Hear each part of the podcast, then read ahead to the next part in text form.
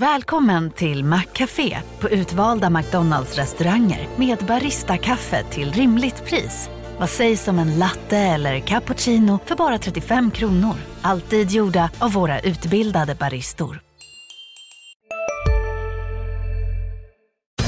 Makrorådet från Dagens Industri. Hej och välkomna till Makrorådet, podden som tar upp de stora ekonomiska frågorna. Gäster idag är Kristin Magnusson Bernard, VD på Första AP-fonden och Andreas Wallström, prognoschef på Swedbank. Välkomna båda två. Tack så mycket. Tack, tack. Och eh, vi ses ju i digitalt format idag. Eh, det är den 9 februari och förhoppningsvis så är det sista gången vi gör podden på det här viset. Eh, vi har ett, eh, ett, tema här för dagen som är väldigt centralbanksintensivt. Det är ju mycket det som alla pratar om. Vi har ett riksbanksbesked som kommer imorgon torsdag. Vi fick en smärre chock från ECB i förra veckan. Eh, men vi ska börja med just det här 9 februari, helt kort bara. Eh, restriktionerna släpps ju eh, idag eh, och Andreas och även Kristin, kan man tänka sig att det blir några stora ekonomiska konsekvenser av det här? Jag kan börja om du vill. Ja. Svaret på frågan är nej. Inga stora konsekvenser men viktiga följder för delar av ekonomin såklart. Är det ju en stor lättnad och eh, tillsammans med lite ljusare tider så, där, så tycker jag i närtid så måste man se ganska ljust på framtiden. Men den stora bilden är ju trots allt att liksom, ekonomierna snarast under hela 2021 faktiskt överraskade positivt och liksom, återhämtningen var jättestark. Så den här stora skjutsen i makrotermer, den är redan gjord. Det skulle vara min stora bild. Men, men såklart för vissa delar, hotellsektorn, eh, tjänstenäringen och så där, så är det här något positivt utan tvekan. Kristin, ja. du sa innan vi började här precis att det, det kom lite signaler från kontorsmarknaden och att det här skulle kunna ha någon betydelse. Är det, är det just som Andreas säger att specifika delar, där, där är det här faktiskt eh, viktigt? Precis, det vi ser är att både de kommersiella fastighetsbolag vi har i portföljen och de som har rapporterat ser en ökad efterfrågan på lokaler i citynära lägen. Och det tror jag beror på att det är ändå en viss osäkerhet som försvinner. Det blir lättare att planera framåt och den där återgången till kontoret som en och annan har försökt sig på lite halvhjärtat, den kommer vi göra på riktigt. Ja, ja, det var bra. Lite positivt eh, då Eh, men framförallt är det ju positivt eh, i kanske icke-ekonomiska termer ska vi väl lägga till. Det är väl den viktiga grejen här. Eh, bra hörni, då eh, kastar vi oss över agendan. Som jag sa så är det ju väldigt mycket centralbanker. Det är ju eh, det är alltid ett hett ämne i den här podden men nu, nu är det ju de som eh, finansmarknaderna och i, i, stort tittar väldigt, väldigt mycket på. Och, eh, eh vi börjar väl med det som ligger oss allra närmast om hjärtat, nämligen Riksbanken som ju kommer med ett räntebesked imorgon. Eh, och Kristin, det här eh, beskedet blev lite mer spännande i förra veckan när ECB till synes, kanske i alla fall, bytte fot. Åtminstone ville chefen Christine Lagarde inte längre utesluta en räntehöjning under året, vilket fick räntorna att röra på sig ordentligt. Eh, och vi har en ganska så aggressiv prissättning på, på Riksbanken om man tittar på terminsmarknaden. Två höjningar i år och ytterligare fyra eh, nästa år var det senast jag, jag, jag kollade. Vad, vad kan man vänta sig av morgondagen egentligen? Ja, det är många saker som rör sig här samtidigt. Vi får försöka ta dem i ordning. Och om vi börjar med att titta skillnader då i makrobilden mellan euroområdet och Sverige så ser vi att Riksbanken skulle kunna ha lite mer is i magen när det gäller inflation. Man har inte fått lika höga inflationsutfall utan rensar man för energi så ligger inflation på målet. Eh, den svenska ekonomin går starkt, det gör den i euroområdet också men man kan nog kanske ändå säga att Sverige går lite starkare. Eh, men trycket på Riksbanken att göra något med räntan blir ju därmed lite mindre eftersom man kan känna sig lite tryggare med inflationen. Men sen är det också skillnader i vad man redan har gjort. Riksbanken nettoköper ju inte tillgångar, vilket ECB fortfarande gör. Så på så vis kan man säga att Riksbanken faktiskt har inlett sin normaliseringsprocess mer då än ECB. Men tittar man på just hur mycket förväntningarna har sprungit iväg jämfört med vad man tror skulle kunna komma imorgon så har ju för ett tag sedan sa ju ingen är det tidigast april man börjar prata om balansräkningen och inte så sannolikt att man puttar in ytterligare höjningar i slutet av banan då. Och det är ju nu nästan en majoritetsvy att man gör något redan imorgon. Och det här har rört sig jättesnabbt och det gör att skillnaden mellan förväntansbilden och vad som kommer är ovanligt stor, vilket gör att vi kan förvänta oss en del marknadsrörelser. Ja, Andreas, hur går dina tankar? Ja, nej men det är ett högst osäkert möte får man väl också säga. Eh, inte kanske bara vad de ska göra eh, på torsdag och just det här mötet. Det, det som Kristin var inne på har ju konsensus skiftat där mot att nu ganska tydligt då eh, är förväntat att de på något vis kommer kommunicera att de ska minska balansräkningen i år. Eh, och också tidigarelägga den här räntehöjningen som man nu har väldigt sent ska sägas i slutet av 2024. Då. Eh, men om man blickar bortom det mötet så är det intressant så tillvida tycker jag att prognosmakare där ute nu skiljer sig ganska tydligt åt. Så det finns en stor, och det skulle jag liksom tolkas som en stor osäkerhet. Vi har ju inhemska prognosmakare som eh, vissa förutser ingen höjning alls, eh, varken i år eller nästa år. Ehm, vi förutser åtminstone två höjningar då nästa år och en, den första redan eh, inom ett år. Då. Eh, eh, och det är kanske det mest aggressiva där ute om man tittar på svenska banker faktiskt, alltså deras prognosmakare. Så det skiljer sig ganska mycket åt då. och sen som du själv är inne på prissättningen då å ena sidan är väldigt aggressiv att man ska ha två höjningar. För egen del så tycker jag ju Riksbanken kunde tillåta sig att vara lite cool vad gäller räntan, inflationsutvecklingen hittills också precis som Kristin är inne på Eh, motiverar ju inte en stramare politik ska jag säga. Utan det är ju, eh, inflationen i Sverige har bara stigit till följd av höga energipriser och det ska inte motivera högre räntor utan tvärtom egentligen. Va? Eh, det vore ju på något vis, att höja räntorna idag vore ju faktiskt att ge en dubbel käftsmäll åt hushållen. Det finns ju ingen som tjänar på detta. Utan den stora frågan är ju om vi på sikt ser hög inflation av detta och det tror inte jag. Jag tror att det kan komma andra effekter, att liksom företag kommer föra över kostnader på hushåll i år och det har vi inte sett än. Men det är också en engångsöverföring skulle jag säga, alltså ingenting som liksom bestående kommer leda till hög inflation.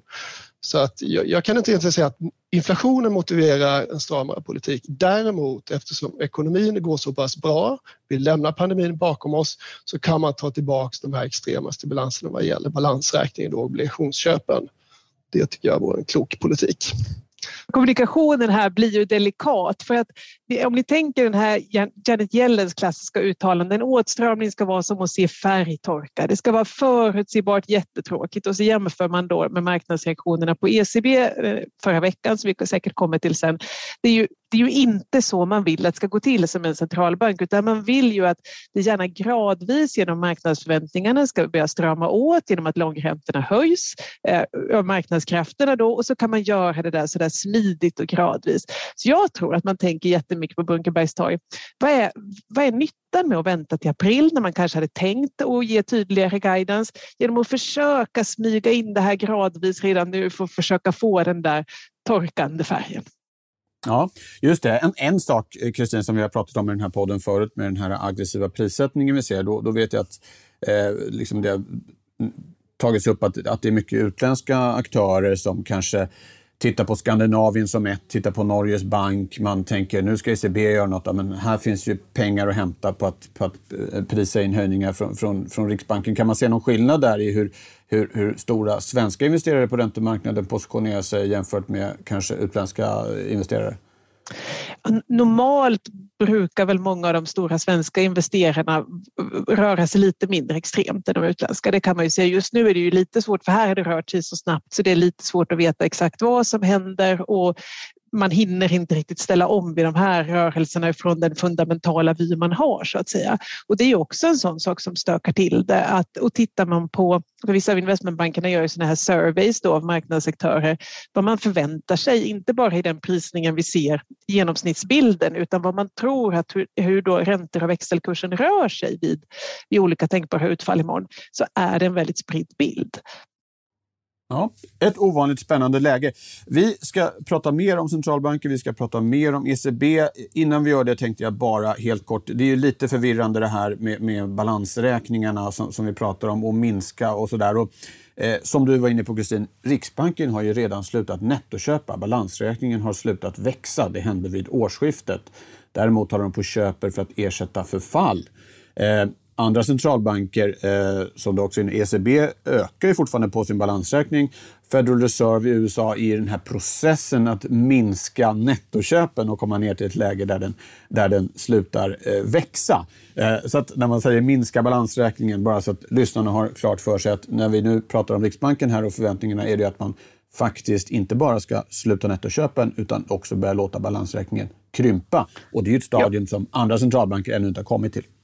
Ja, och så för att göra det här ännu krångligare så är det inte en typ av finansiella tillgångar du har köpt. Tittar vi på Riksbanken så är det företagsobligationer, bostadsobligationer och statsobligationer. Och det här kan man jobba och med. Kommunobligationer. Och kommunobligationer. Ja, så det är inte ja. konstigt att marknaden tycker det här nej, är lite svårt nej. att hoppas jag, hoppas jag inte ökade förvirringen ytterligare här. Jag, jag, jag, jag, tänkte att det skulle vara bra att försöka, försöka reda ut det. Nu då går vi över till ECB och återigen Kristin så händer det ju saker här vid förra veckans möte. Det började väl lite redan innan.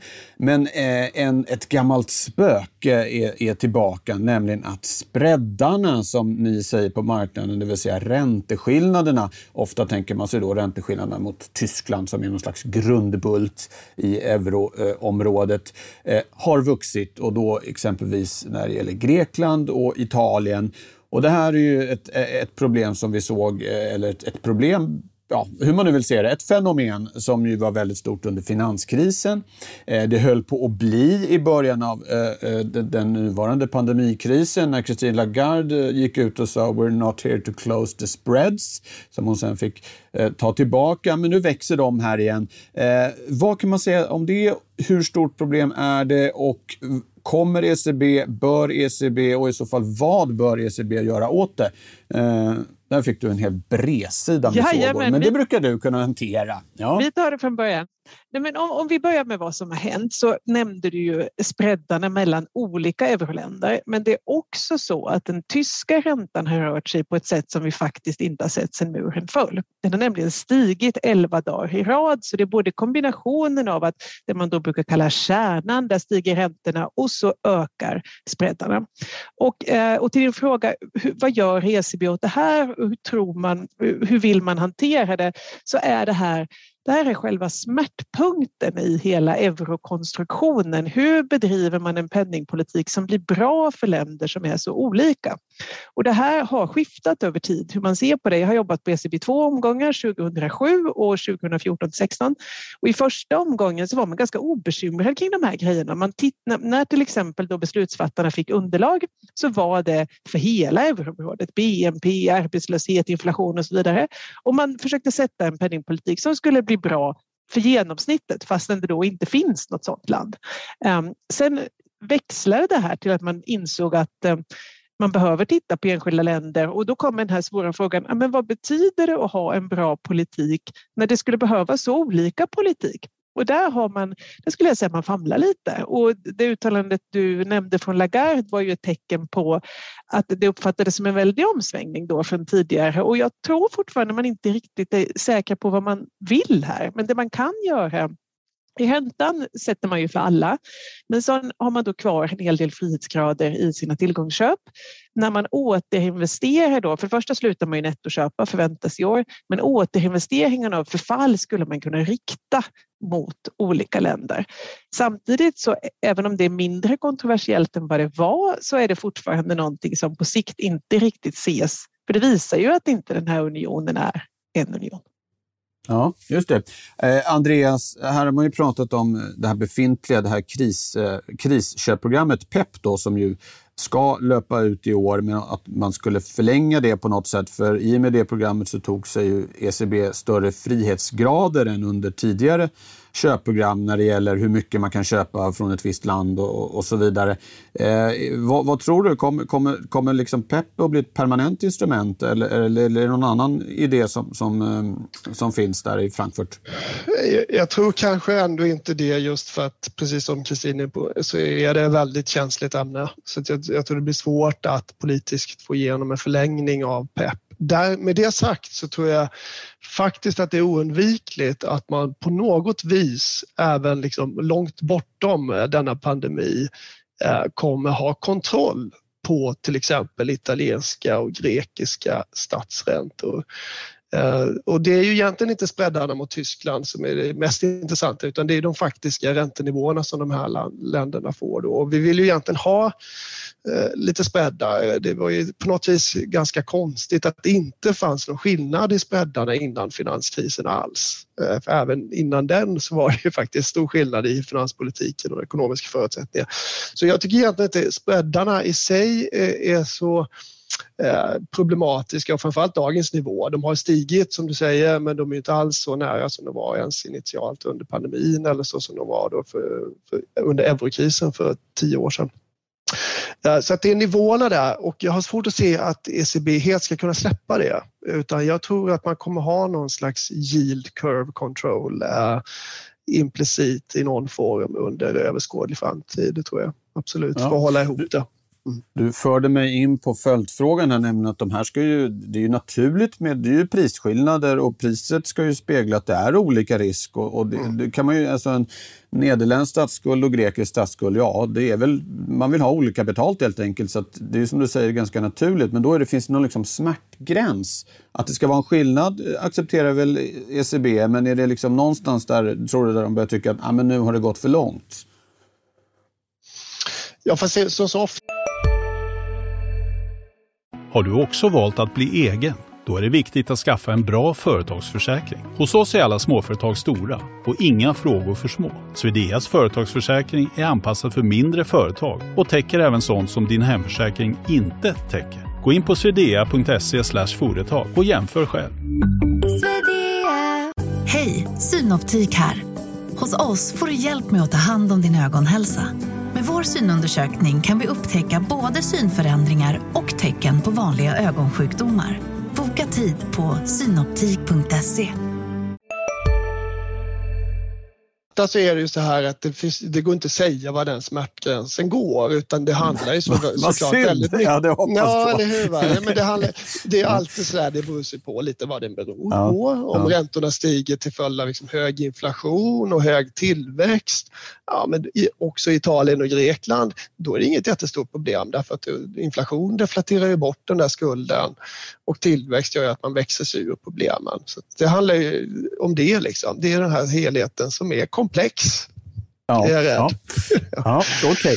Eh, bra. Jag försökte, tänkte försöka tvinga av er ett väldigt eh, rakt svar då innan vi lämnar detta ämne. Och ja, men det... då säger vi det raka svaret är ju glöm inte finanspolitiken. För pratar man vad som skulle kunna ändra det här så är det ju ändå det här Next Generation EU och den typen av finanspolitiska förändringar som man också separat jobbar med. Och det är översyn av finanspolitiska ramverket som trogna lyssnare av den här podden har hört många gånger innan. Så där hoppas man ju att vägen ut ur det här, att få de sunda skillnaderna mellan länderna, om man får använda ett sådant uttryck, det är ju just att fundamenta ser bättre ut. Ja, det är halt med dig Kristin. Du, du, svarade innan jag ens hade ställt eh, frågan och det var ett jättebra svar. Men frågan jag hade tänkt var, kommer ECB att höja räntan i år? Ja eller nej? Du kan börja Kristin. Jo, alltså det som är, det som är svårt här och som också det var gjorde... inget rakt svar. lyssna, lugn. Okay. Alltså, det, det, det som är så förvirrande i Lagardes kommunikation är att hon pratar om att hon ser inflationsrisker i närtid och så vill hon inte utesluta en räntehöjning längre fram. Så det är väldigt svårt att få ihop den här bilden om det inte är så att här då spiller över i bredare inflationsmått längre fram och så vidare. Men eh, här har man ju visat från beslutsfattarnas håll att man är redo att gå utan nya prognoser och utan så värst mycket data heller. Så jag skulle inte utesluta att eh, marknadens prissättning ser aggressiv ut och eh, holländska Klaas Knott som var ute och pratade om att det sker redan Q4, det tror jag inte, så jag säger 2023.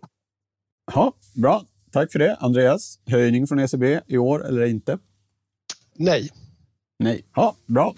Fint hörni, det går ju bra det här. Eh, då eh, kommer vi till eh, begreppet som vi langar in här innan det är dags för, för spaningar. Och även det har koppling till centralbankeri. Det är någonting som det pratas mycket om i USA och eh, det faktum att lönerna stiger snabbt där. Och då pratar man väldigt mycket om arbetskraftsdeltagandet, Kristin. eh, Kristin. Eh, och det kanske är självklart för många, men om du helt kort bara berättar för oss och lyssnarna, vad betyder egentligen det?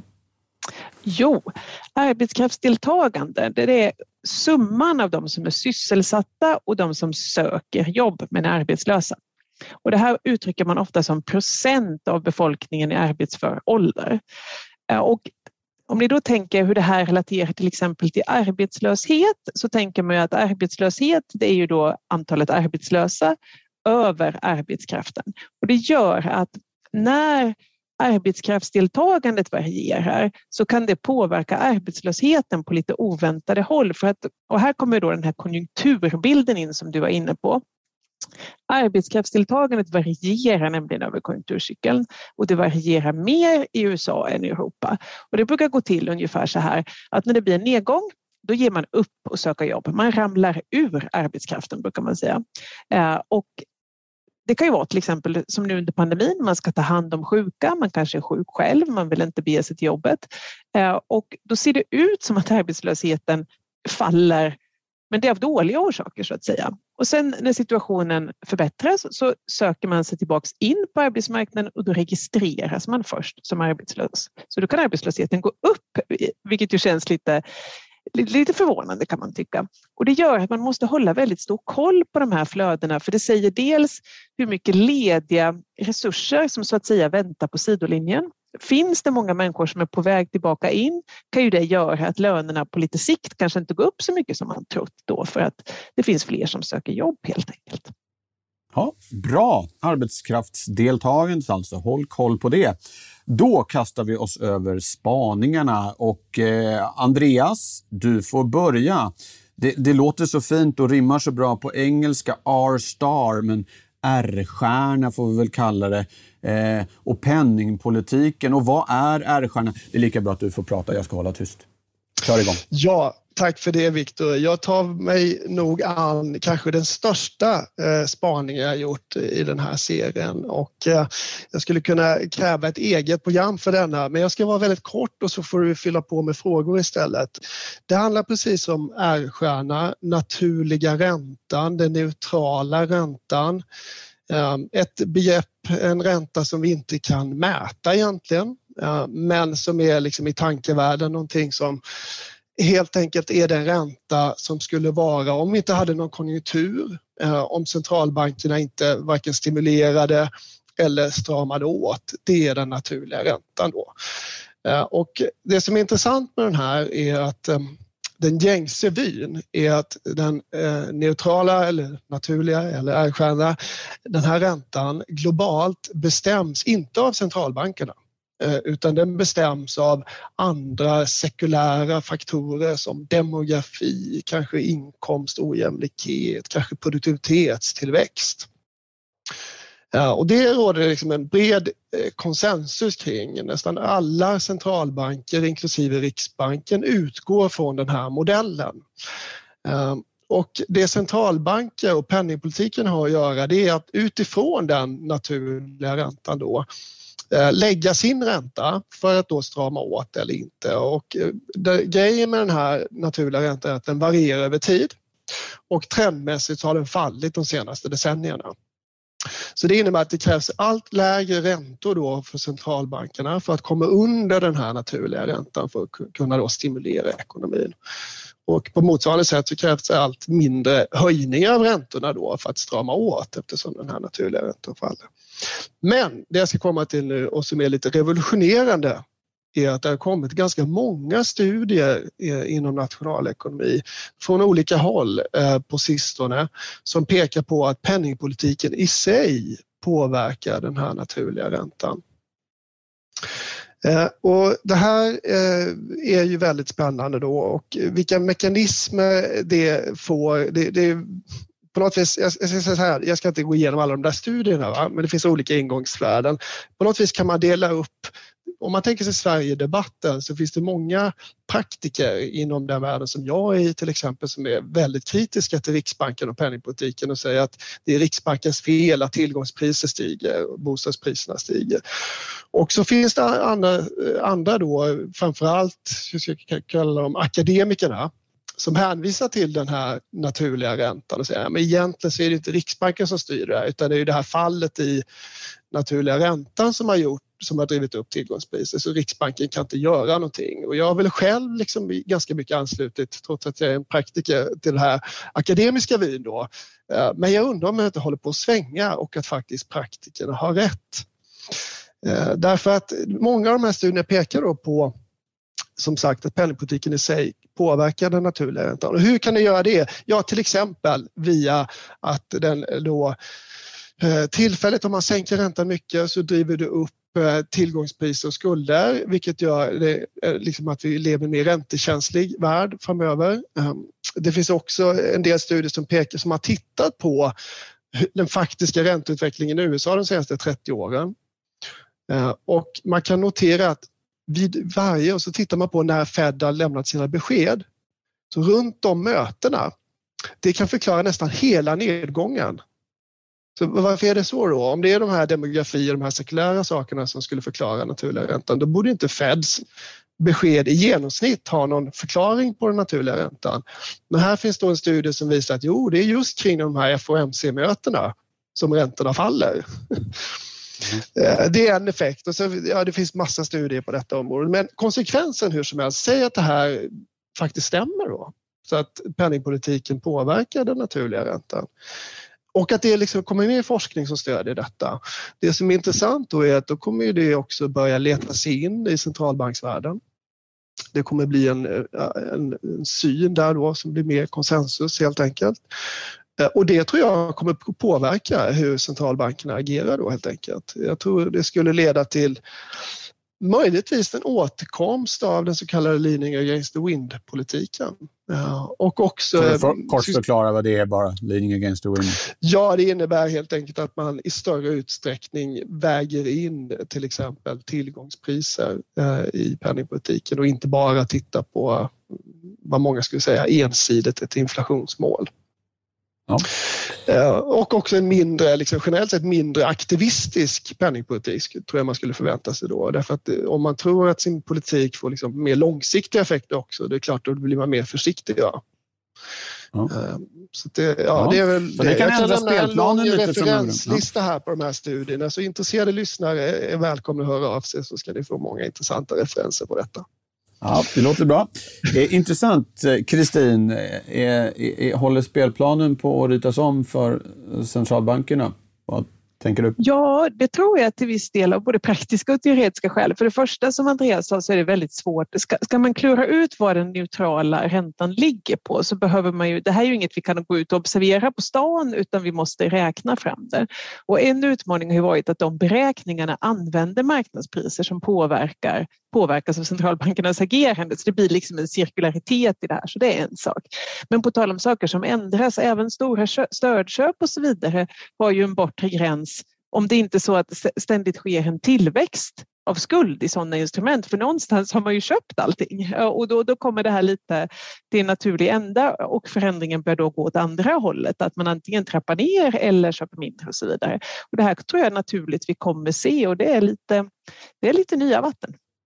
Ja, tack för det. Då ska vi ta oss an din spaning och som sagt, det är mycket centralbanker. Du har funderat på en väldigt konkret fråga. Hur skulle en räntehöjning bita egentligen?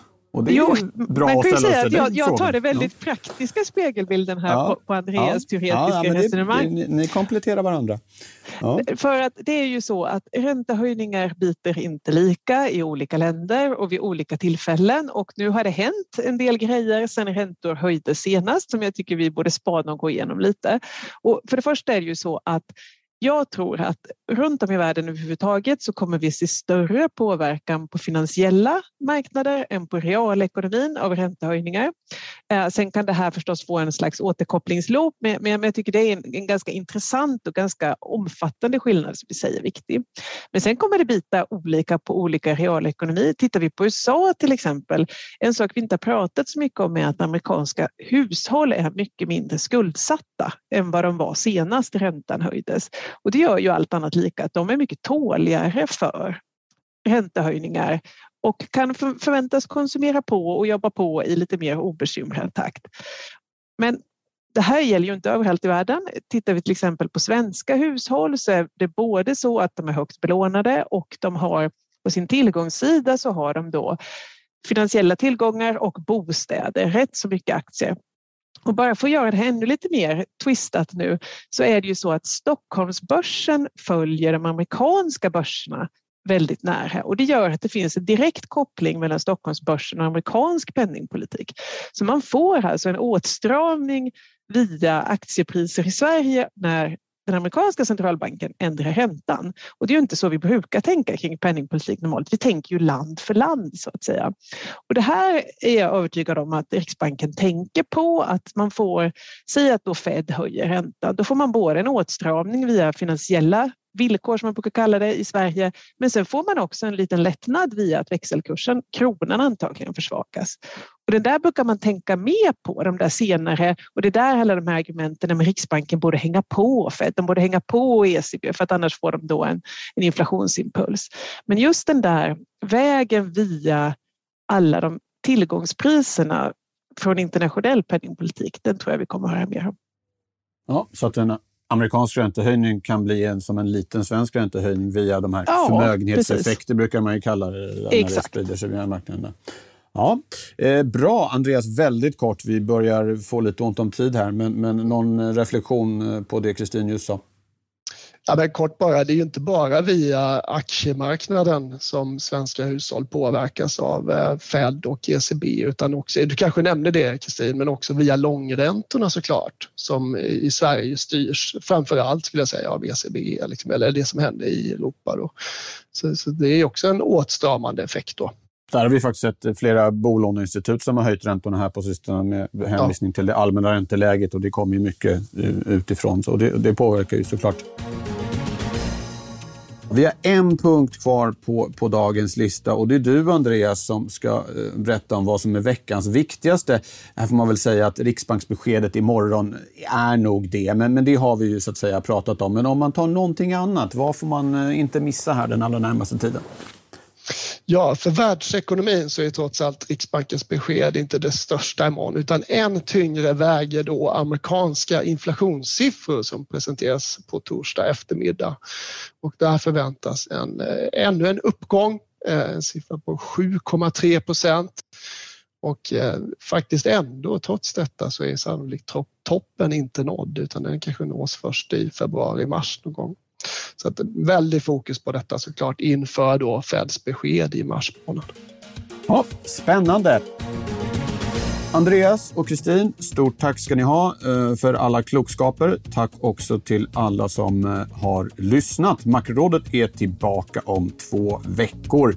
Ta hand om er till dess. Hej då! Hej då! Hej då! Makrorådet från Dagens Industri. Podden klipps av Umami Produktion Ansvarig utgivare Peter Fällman. Varje vardag klockan sju uppdaterar DITVs Morgonkoll dig om natten och morgonens viktigaste nyheter. Från börsstängningen i New York till läget i den asiatiska handeln. Och strax därefter kommer podden med samma namn. Prenumerera på Morgonkoll du också så är du uppdaterad inför varje ny arbetsdag. Morgonkoll finns där andra poddar finns.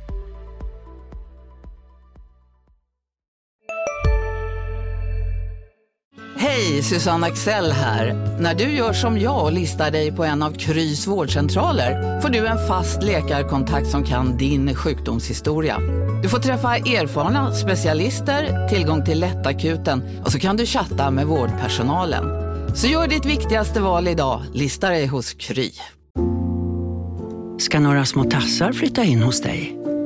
Hos Trygg Hansa får din valp eller kattunge 25% rabatt på försäkringen första året. Läs mer och teckna djurförsäkringen på trygghansa.se. Trygg Hansa, Trygghet för livet.